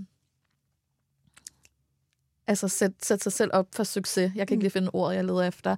Øhm, så jeg tror virkelig, det her handler om, at vi skal sådan fuldstændig i vores kultur, som du siger, det, Tine, at det er mere normalt i Mellemøsten for eksempel, at man, altså det, det bliver ikke anset som værende et problem. Det er sådan, vi vil gerne noget, hvordan forbereder vi, forbereder vi os, os på det? Ja. Hvor jeg tror, at i denne her del af verden, der har vi meget en tendens til at se det som, når allerede når du siger, at jeg skal gøre det her, så er det jo, fordi der er noget galt, hvor mm. det betyder det jo ikke at være. Det kan jo godt være, at du sagtens skulle blive gravid uden de her ting, men igen at sætte de bedste forudsætninger, det var det ord, jeg lidt mm. efter før, op for sig selv ved at, at do the work. Det er ligesom det, du siger med maraton. Man får nok bare et bedre resultat, når man har forberedt sig lidt, ikke? Mm. Øhm, og det tror jeg, det er den, der er noget helt kulturelt, der skal omlægges lidt i vores hjerner, fordi jeg tror, der er mange, der får den der berøringsangst, og sådan, ej, nu bliver det meget besværligt, og ja, så bliver det et projekt, hvor at det ikke nødvendigvis altså sådan, man behøver at tænke på det. Man kunne måske også prøve at ændre den måde, man tænker på, mm. og se det som værende en forberedelse, som alt muligt andet, man vil mm. forberede mm. sig på. Man vil også forberede sig, hvis man skulle ind og pitche en ja. ny kunde til et eller andet, og jo ikke bare dukke op og bare sådan hope for the best. eller de fleste par, for eksempel, altså i traditionel vis, hvis du skal gifte, som mange bliver, inden de får børn. Mm. Altså, shredding for the wedding is a term. Det yeah. siger folk, ikke? De skal være i deres livsform, og de skal være så fedt og lækre. Altså, det er jo I'm ikke, sorry, yeah. det, det er et bryllup. Ja. Altså noget så vigtigt som en baby, og der er det, helt det normalt, kan vi da forberede os det, Men det er nemlig ja. rigtigt, for det er helt normalt, at sådan nogle bryllupsting at være sådan straighting for the wedding, ja. og nu skal vi bare stå knivskarpt, og folk de går helt hård ja. træning inden. Men som om, når det er noget med børn, så bliver det meget berøringsangst, og så ja. bliver det et pres, så sådan, hvis man kan... Men jeg må indrømme, jeg vidste ikke det faktisk igennem øh, jeres podcast, Tine, øh, Join the Pudding Club, at jeg hørte det her med, øh, at for eksempel mandens sædkvalitet, øh, at det har kan man sige, konsekvenser for den baby, der potentielt bliver skabt. Mm. Det var første gang, jeg hørte det, hvor jeg har altid tænkt, at ah, man skal stoppe med at ryge og drikke på grund af øh, altså, eventuelt infertilitet. Jeg har aldrig tænkt over det her med kvaliteten. Mm. Øhm, så helt vildt vigtigt, at I har råbt højt om det, øhm, for ja. jeg vidste det faktisk ikke. Nej, men det er også, altså, det, det er jo, ja, og det er jo fantastisk, at sådan en øh, professor, fertilitetsprofessor som, mm. som Peter Humaydan, som jo er en af øh, verdens top 20 citerede professor på tværs af alle discipliner inden for øh, videnskaben. Mm.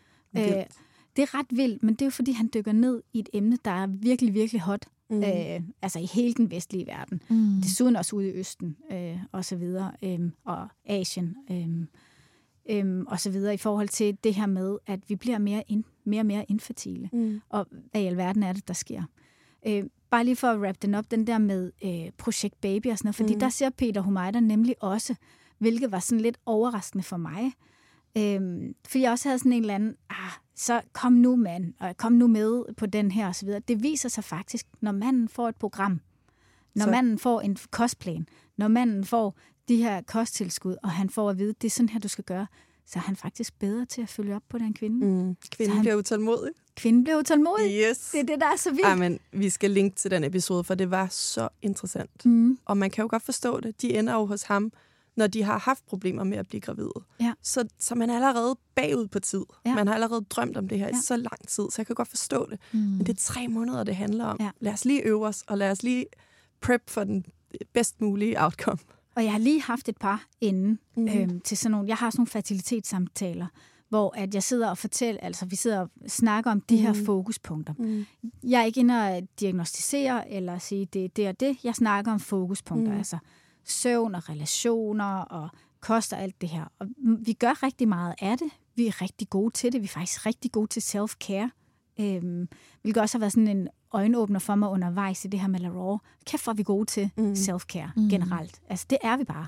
Vi er ikke altid så gode til øh, det her med self-worth, altså selvværd, altså hvad er vi værd, og så lige give den det ekstra, vi nu også er værd. Mm. Øh, men self-care, det kan vi faktisk øh, godt finde ud af langt hen ad vejen. Og der, der var det så det her, øh, det her par inden, hvor jeg ligesom også siger, jamen, altså, de får begge to øh, fertility care og fertility man, og så siger til, til dem, altså de næste tre måneder, der gør det ikke noget, hvis I ikke bliver gravid. Faktisk vil det være bedst, hvis I ikke gør. Og så øh, har jeg set det afskillige gange, og nu også med det her par, mm. bum, så er de gravide. Mm. Og det, det er jo, ja, der er intet videnskabeligt ved det. Det her det er bare en, en anekdote, havde mm. jeg sagt. Øh, bare sådan, så man ikke tror. Men der mm. er bare et eller andet med noget mentalt, mm. og noget forberedelse, mm. og noget, nogle ting, og så mm. videre, at, øh, hvor man ligesom øh, får skuldrene ned. Og det var så det for dem. Mm. Hvor andre, Peter Homeidan selv, øh, fertilitetsprofessoren, de var jo ufrivilligt barnløse i ni år. Mm. Det er helt vildt. Den ja. historie er så interessant. Det er så vildt. Det ja. linker til den episode. Ja. Og så prøver hun at øh, akupunktur. Ja. Bum, så er hun gravid. Ikke?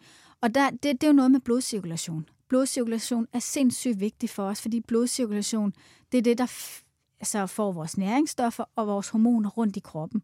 Rigtig mange af os har et job eller et arbejde, hvor vi sidder ned. Mm. Nu har vi også siddet ned her i, mm. i snart en time eller noget. Ikke? Og øh, når du sidder ned, så blokerer du til al blodtilførsel gennem din lænd og ned til din æggestokke. Så, øh, så det er rigtig vigtigt at komme op, hvis man er i fertilitetsbehandling, eller gerne vil være gravid, eller bare øh, passe godt på sin fertilitet, fordi fertilitet har jo i virkeligheden også rigtig meget med, med longevity at gøre, mm. som er det, det nye ord for anti-aging. Øh, vi vil gerne leve young, mm. forever young. Mm. Men, øh, men det her med øh, blodcirkulation er super vigtigt. Det er det, akupunktur kan, det er det, øh, sex kan, det er det, øh, zoneterapi kan, og så videre. Så handler det ligesom om at finde, man må godt blande, øh, lave blandet bolcher, mm. og prøve lidt forskelligt, ja. øh, men så ligesom finde, hvad, hvad synes man virkelig er rart. Ja. Jeg elskede for eksempel zoneterapi. Prøvede også akupunktur. Øh, det var kun noget, jeg gjorde til sidst, øh, fordi jeg gerne ville i naturlig fødsel, ja. øh, mm. og så videre. Øhm, så det var noget, jeg gjorde øh, af, af nød, havde jeg ja. sagt. Det var ikke noget, jeg synes, der var fedt at ligge der. Det må jeg bare men, øh, men man skal prøve nogle forskellige ting. Ja, finde sin øhm, balance. Og så ligesom, ja, det vi ligesom har specialiseret os rigtig meget i i La Raw, det er jo det her med, action leads to hope. Mm. Altså det her med, hvis vi tager og handler omkring det her, og vi tør at øh, forberede os, og vi tør altså øh, sætte os selv op øh, for nogle bedre betingelser osv. Øh, det, det tror jeg virkelig meget på. Øhm, og jeg har også meget med at dele den her rejse om at gå ud og have været ufrivillig barnløs, og det der med at øh, gå grædende i seng øh, tre år i træk nærmest, mm. øhm, og så stå op næste dag og tage pænt tøj på og egentlig have en velfungerende dag, og så gå hjem og græde igen. Mm. Øh, det er jo bare en frygtelig, frygtelig periode, men jeg føler egentlig ikke, at det er sådan specielt sårbart for mig at sige, øh, fordi det kan alle forstå, ja. og alle, der står i den her situation, vi kommer ud på den anden side som mere empatiske mennesker. Vi kommer ud, øh, vi har haft livet, øh, når det bider helt mm. tæt inde på mm. livet, så man, man, man ændrer sig bare i den her rejse. Det, jeg synes, der kan være sårbart, og det, jeg synes, der kan være vildt med La Raw en gang imellem, det er at stille mig ud og sige, hey, vi kan gøre noget. Du kan gøre noget selv. Øhm, fordi så skal vi tage ansvar. Mm. Øh, og jeg beder ja. folk om at tage ansvar. Øhm, og det, det synes jeg kan være sårbart. Fordi altså, øh, det er jo ikke alles... Altså, der kan også være noget mekanisk galt, mm. kan ja. man sige. Ja. Så det er ikke et enten eller, det Nej. er både og. Men det er også der, hvor det er, sådan, der, det er som om, der er sådan et helt space i midten, der mangler, altså som virkelig er gået op for mig gennem den her snak, vi har haft nu, hvor at enten, altså vi vokser alle sammen op med at høre sådan, pas på, pas på, at man kan ja. bare blive gravid, sådan ja. bum. Eller også så hører du om fertilitetsproblemer. Så jeg tror, når der er mange, der hører ordet fertilitet, så ser de det som værende noget med et problem. Mm. Altså det er sådan, man hører kun om det ord, i Danmark i hvert fald, hvis det er, fordi der er et problem. Så det er som om, der mangler hele det der sådan lifestyle space in between, hvor at man sådan, hvordan kan du styrke din fertilitet? Ikke nødvendigvis, fordi der er et problem, eller kommer til at være et problem, men bare for igen at have de bedste forudsætninger. Som du siger, folk er faktisk ret gode til, også altså i den her ende af verden, og altså self-care og drikke en anden fast green juice hver morgen, bare fordi så får kroppen de rette ting til de rette depoter, men så snart at det har noget med fertilitet at gøre, så bliver folk, tror jeg, meget berøringsangst og bliver sådan et, uh, jamen, vi har jo ikke noget problem, eller sådan, det håber vi ikke, at vi kommer til at have, eller hvor det sådan, hvis der kan komme mere fokus på det her med bare som en del af ens altså lifestyle, ens mm. morgenrutine, bare sådan, mændene tager lige det der, kvinderne tager lige det der, gør lige sådan, sørg, sørg lige for, at du har det godt, og du bevæger dig, hvis du ja. ved, du på et tidspunkt gerne vil.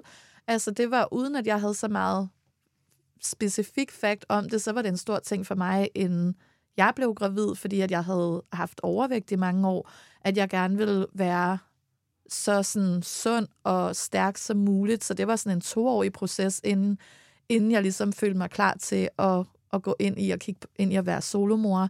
Det her med at tabe mig og få en god rutine kørende, have det godt med mig selv, tabe mig rigtig meget. Og jeg tror, sådan en proces er måske, den er selvfølgelig hård, men den er meget sådan åbenlys, fordi det er sådan, alle ved godt, okay, overvægt og fertilitet går ikke super godt hånd i hånd.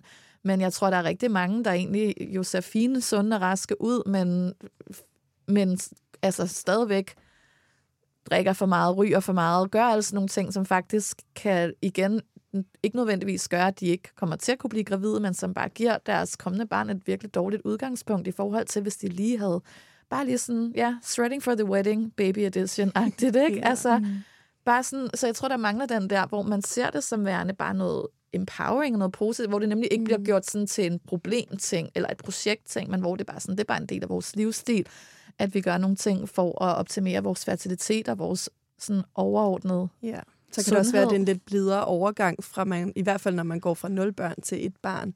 Øhm, det er en kæmpe omvæltning at blive forældre. Mm. Øh, der er ikke så meget øh, røg og druk involveret. Ja. Så det kan måske være meget godt, ikke? at man lige får sådan en blid overgang til det, til det nye. Jo, og hvis der så skulle opstår et problem med at blive gravid, så vil man vide sådan, man vil have et andet udgangspunkt, ja. når man vil vide, hvad man allerede havde gjort, så man kunne komme ja. måske lidt mere til, til kernen hurtigere. Jeg får ja. også lyst til at spørge dig i forhold til det her. Nu siger du så, at du gjorde dig klar til at skulle være solomor og så videre.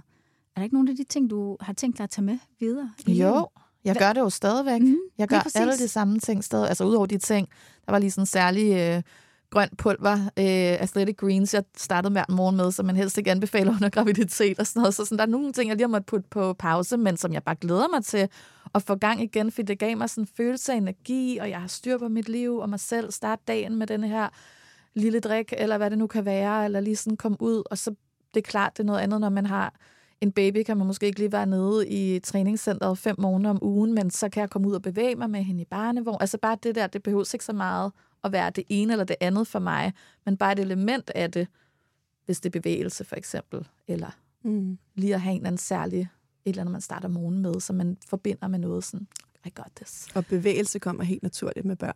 Altså, man er bare altid i bevægelse. ja, ja.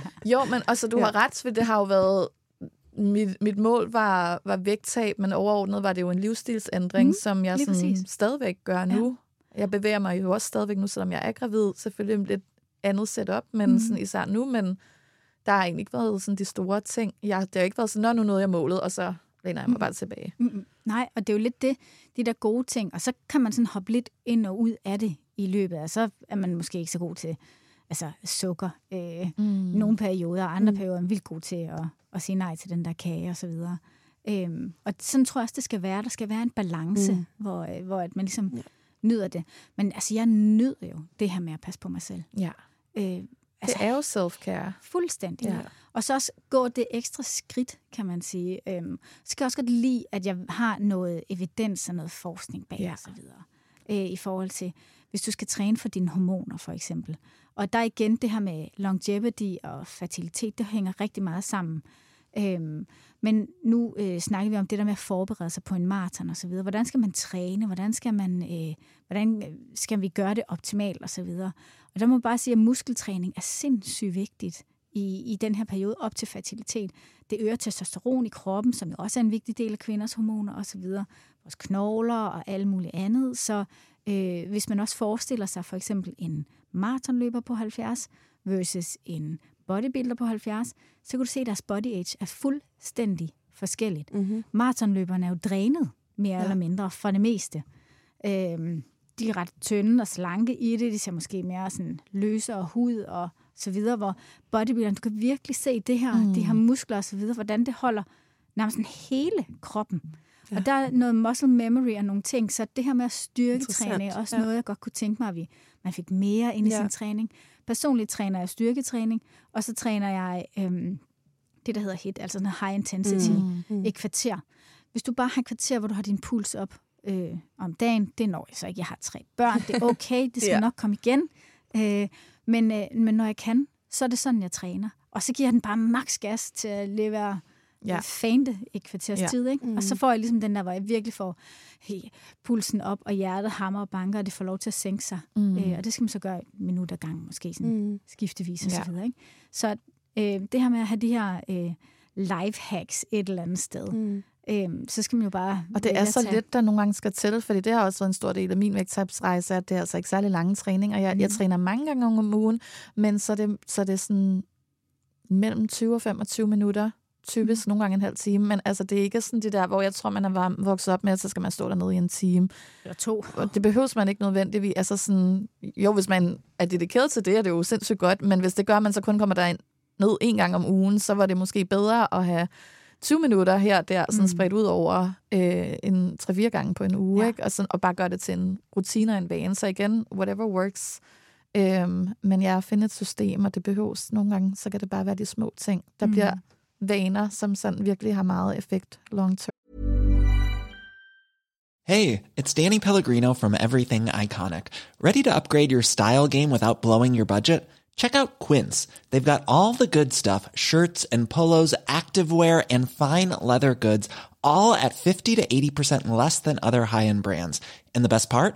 They're all about safe, ethical, and responsible manufacturing. Get that luxury vibe without the luxury price tag. Hit up quince.com slash upgrade for free shipping and 365 day returns on your next order. That's quince.com slash upgrade. Hold up. What was that? Boring. No flavor. That was as bad as those leftovers you ate all week. Kiki Palmer here, and it's time to say hello to something fresh and guilt-free. Hello Fresh. Jazz up dinner with pecan-crusted chicken or garlic butter shrimp scampi. Now that's music to my mouth. Hello Fresh. Let's get this dinner party started. Discover all the delicious possibilities at hellofresh.com. Hiring for your small business? If you're not looking for professionals on LinkedIn, you're looking in the wrong place. That's like looking for your car keys in a fish tank. LinkedIn helps you hire professionals you can't find anywhere else, even those who aren't actively searching for a new job but might be open to the perfect role. In a given month, over 70% of LinkedIn users don't even visit other leading job sites. So start looking in the right place. With LinkedIn, you can hire professionals like a professional. Post your free job on linkedin.com slash people today. A lot can happen in the next three years. Like a chatbot may be your new best friend. But what won't change? Needing health insurance. United Healthcare Tri Term Medical Plans are available for these changing times. Underwritten by Golden Rule Insurance Company, they offer budget friendly, flexible coverage for people who are in between jobs or missed open enrollment. The plans last nearly three years in some states, with access to a nationwide network of doctors and hospitals. So, for whatever tomorrow brings, United Healthcare Tri Term Medical Plans may be for you. Learn more at uh1.com. Uh, hvis vi skal binde en lille sløjfe på, at du jo så blev gravid med nummer to, mm. og senere også med nummer tre, for nu startede vi jo at høre med, at, øh, at, der var, at det var svært, og, og at du aborterede flere gange. Hvornår kom den der succes, og var det ligesom, var der noget, kom det bare pludseligt efter, du havde omlagt din, din livsstil, og I havde kigget ind i det her? Jamen altså, øh, jeg gjorde jo rigtig meget i tre måneder op til min graviditet med, med toeren. Øh, det var cirka tre måneder, så blev jeg gravid igen. Øh, og der var den der ligesom, og det var jo så min kost og kosttilskud, og der havde jeg jo bare hældt noget i smoothien, og så ligesom drukket det, og så var det det. Øh, men da hun så kom, så var det jo så, at jeg fik, øh, fik opkald fra, øh, fra, hvad hedder det, en veninde, øh, i forhold til, at hun var ufølt barnløs, og så ringede hendes veninde og hendes mm. kusine, og, og ja. så videre. Så det var der, jeg sådan opdagede, at der var et behov for, mm. gud, der er mange kvinder, der står i det her, og vi taler faktisk ikke om det. Det her, det er jo 10 år siden snart, ikke? Ja. Øhm, så, øh, så det var sådan den der øjenåbner, kan man sige. Så i forhold til, øh, da vi skulle have træeren, øh, og dit spørgsmål i forhold til, om det bare sådan lige kom, der var jeg sådan, øh, i mange år var jeg sådan, jeg, jeg tror, det er fint med to, Peter. Øh, og han blev ved med at plage.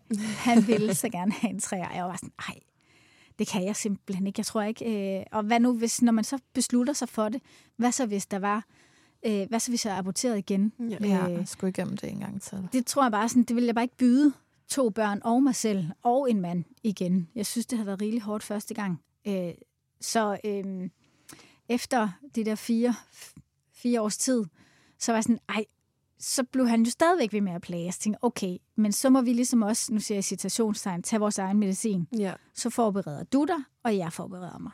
Fordi det der jo faktisk ikke øh, i, i begge scenarier, både med vores første, hun tog et år, inden hun kom, og i min tog så knap tre år, øh, der var der aldrig nogen, der havde set på Peters sædkvalitet. Vi nåede faktisk først lige at få en, øh, Peter ind og lave en sædprøve, som viste sig, at han havde øh, ringe sædkvalitet. Øhm, så det kan jo godt have skyldes mine spontane Det er jo også helt vildt, ikke? Ja. Tre år. Ja, og indtil der er ikke, man tjekker. Ja. ja, indtil man tjekker ham, ja, ikke? hvor er det vildt. Og det er jo godt, et, et godt eksempel på, at du kunne godt blive gravid, men du tabte, fordi der måske ikke har været og jeg tog super god kvalitet. Ja, jeg tog ja. al skylden. Og du ved, det var sådan, når vi var ude, folk de var sådan, hold kæft, hvor er du god til, om du er da i hvert fald god til at gøre hende gravid, var Peter? He, he, he. Ja. Og du ved, det var jo ikke ondt ment, mm-hmm. øh, og vi, vi kunne også grine af det, og han følte sig jo helt vildt mandig og sådan nogle ja. ting, ikke?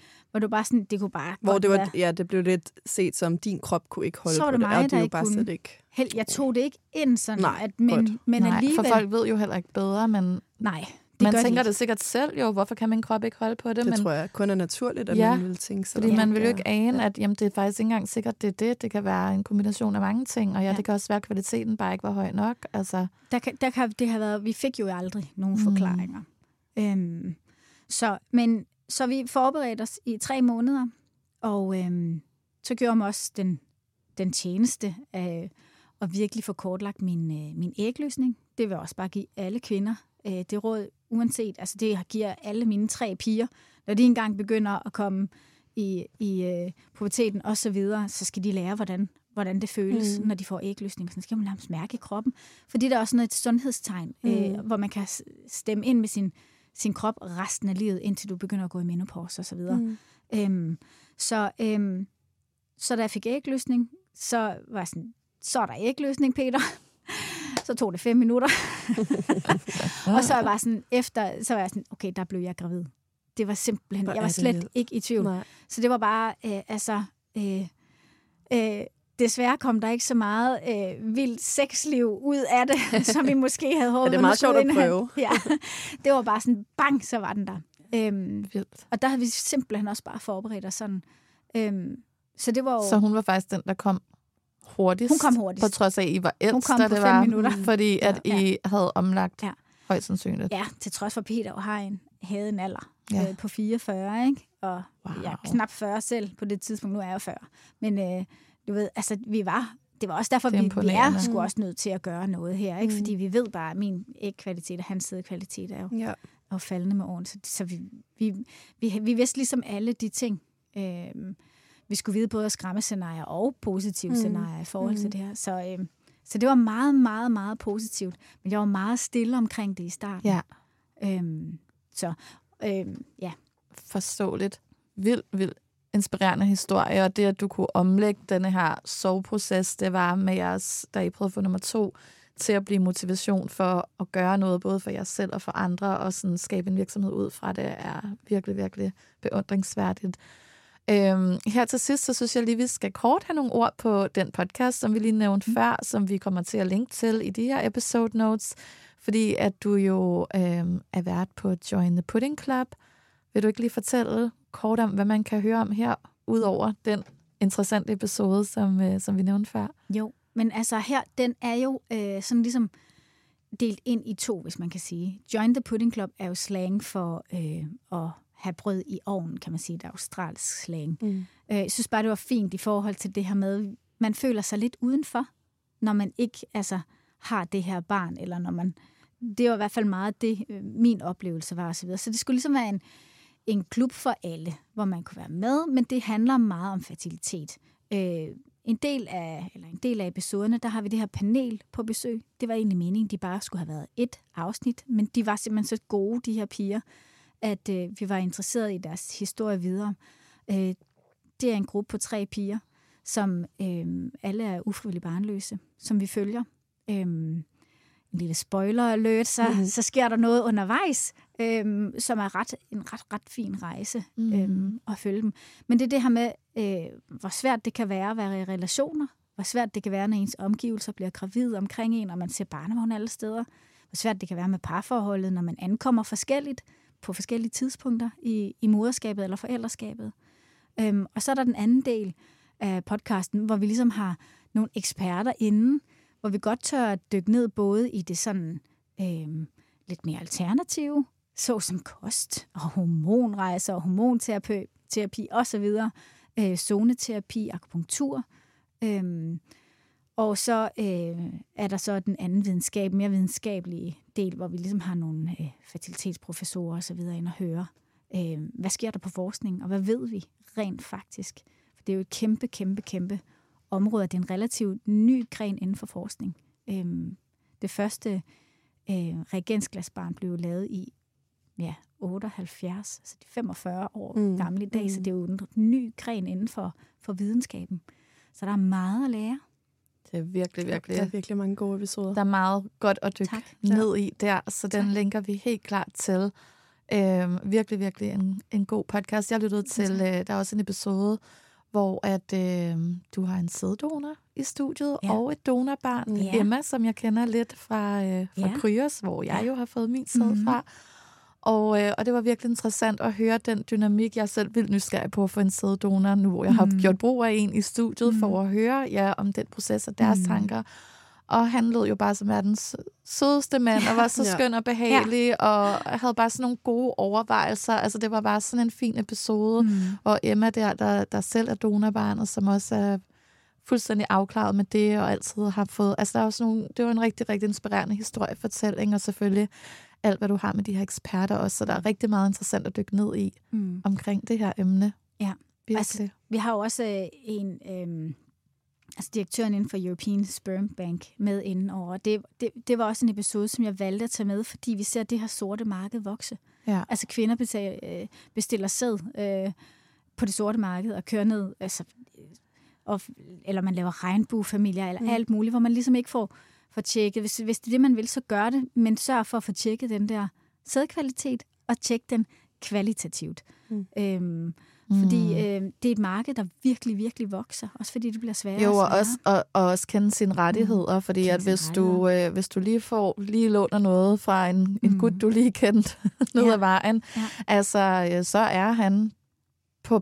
lovligt skal han skrives på som far på papiret, så hvis ja. man, altså det er jo, det er jo et, et valg, man tager, men ja. der er jo nogle ting, der man skal gøre sig tanker om, at hvis man gerne vil køre showet helt selv, for ja. eksempel, så, så er det altså kun gennem en, en rigtig sædbank, at du mm. kan ligesom indberette det på den måde, hvor at de ikke har nogen rettigheder til, de ikke kan komme pludselig og bede om rettigheder til barnet, eller hvad mm. det nu kan være. Så mm. der er mm. mange ting i det. Så det er i hvert fald rigtig, rigtig informativt og spændende. Og, Kommer der øh, en sæson 3? Åh, oh, ja, ja, altså jeg kunne godt ønske mig det. Der er, vi håber. der er så mange ting, altså der er så mange ting, jeg gerne vil. Ja. Øhm. Tre børn, virksomhed, podcast. Du ja. har nok at se til. ja, Jamen, vi håber på en sæson 3 ja, i hvert fald. Ja. Vi krydser. Mm. Øhm, Tina, du kommer med så mange gode tips og råd og alt muligt andet, men jeg har spurgt dig, om du havde lyst til at dele et mm. motivation tip of the week. Mm.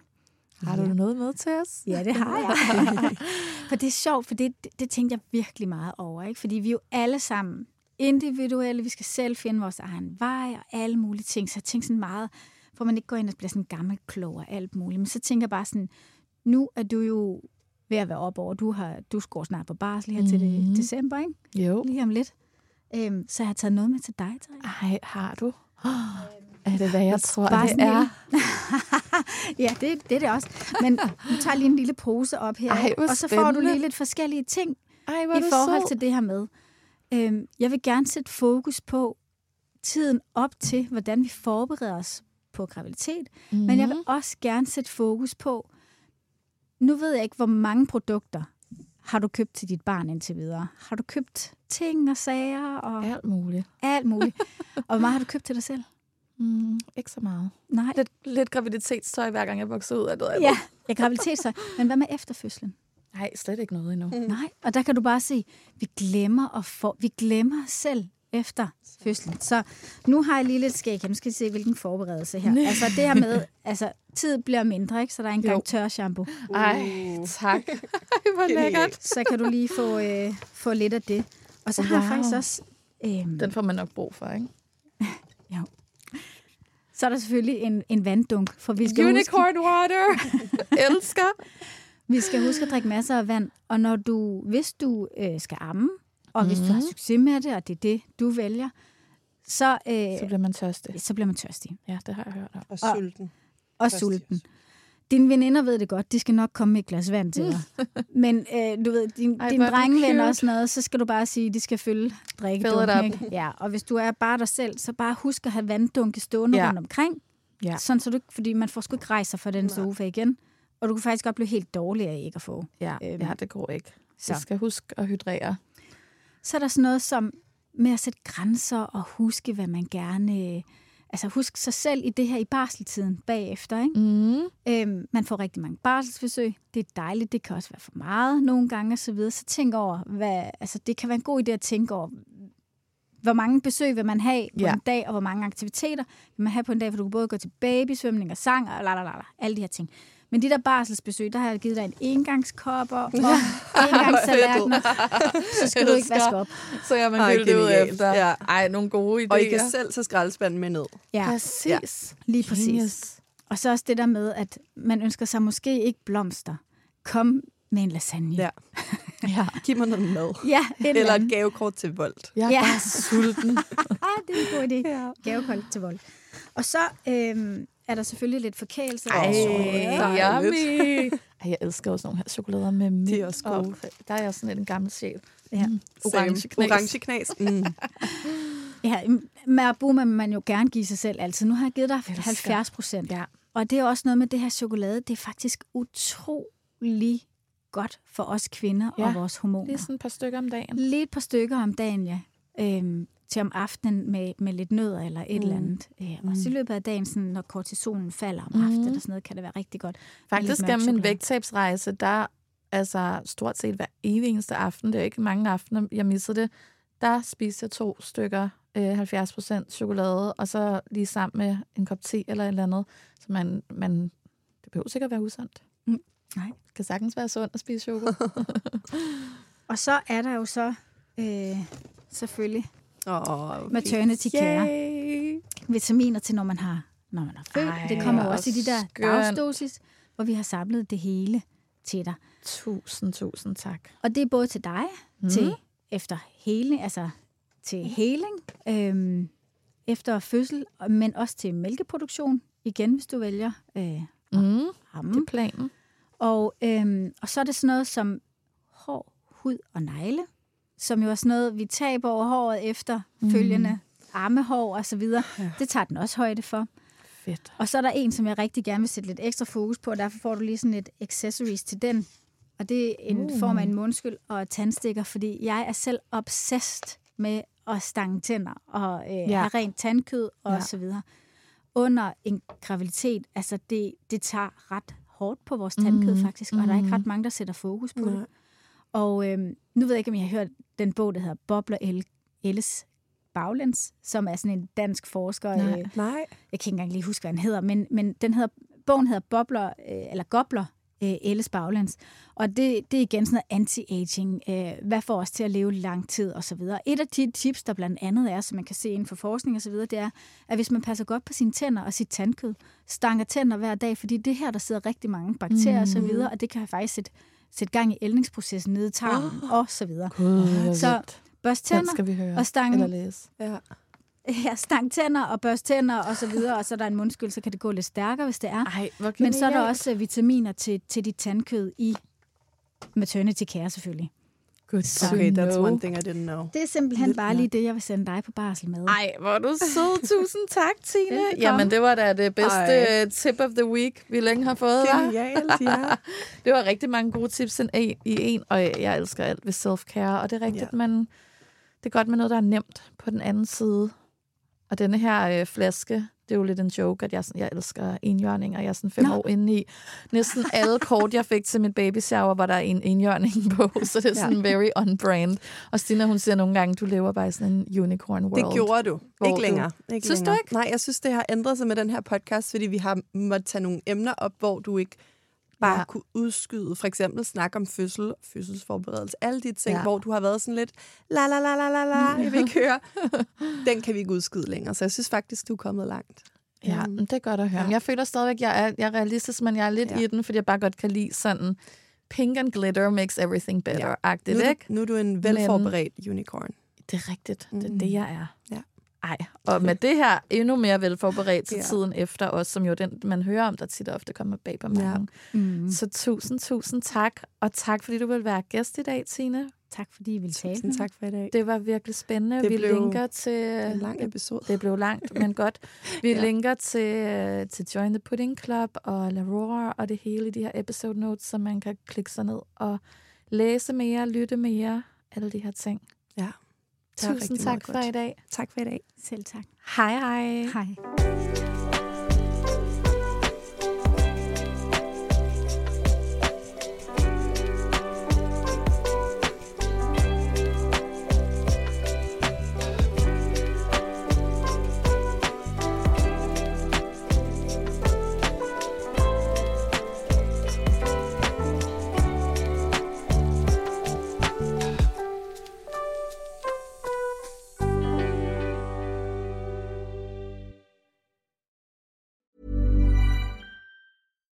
Deserves the best, and there's no better place to shop for Mother's Day than Whole Foods Market. They're your destination for unbeatable savings, from premium gifts to show-stopping flowers and irresistible desserts. Start by saving 33% with Prime on all body care and candles. Then get a 15-stem bunch of tulips for just $9.99 each with Prime. Round out Mom's menu with festive rosé, irresistible berry chantilly cake, and more special treats. Come celebrate Mother's Day at Whole Foods Market.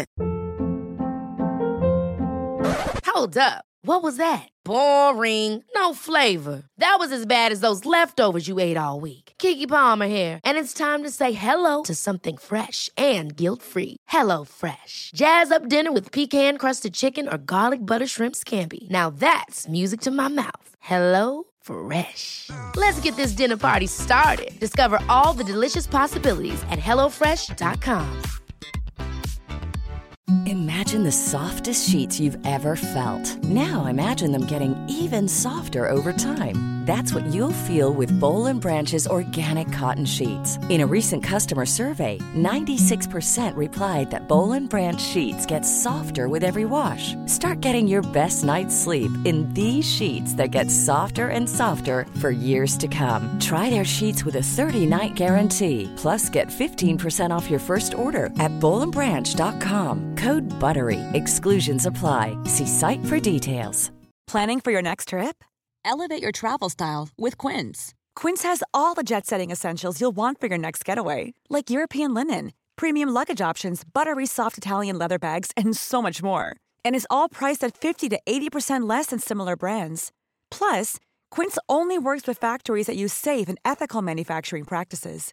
Pack your bags with high-quality essentials you'll be wearing for vacations to come with Quince. Go to quince.com slash pack for free shipping and 365-day returns.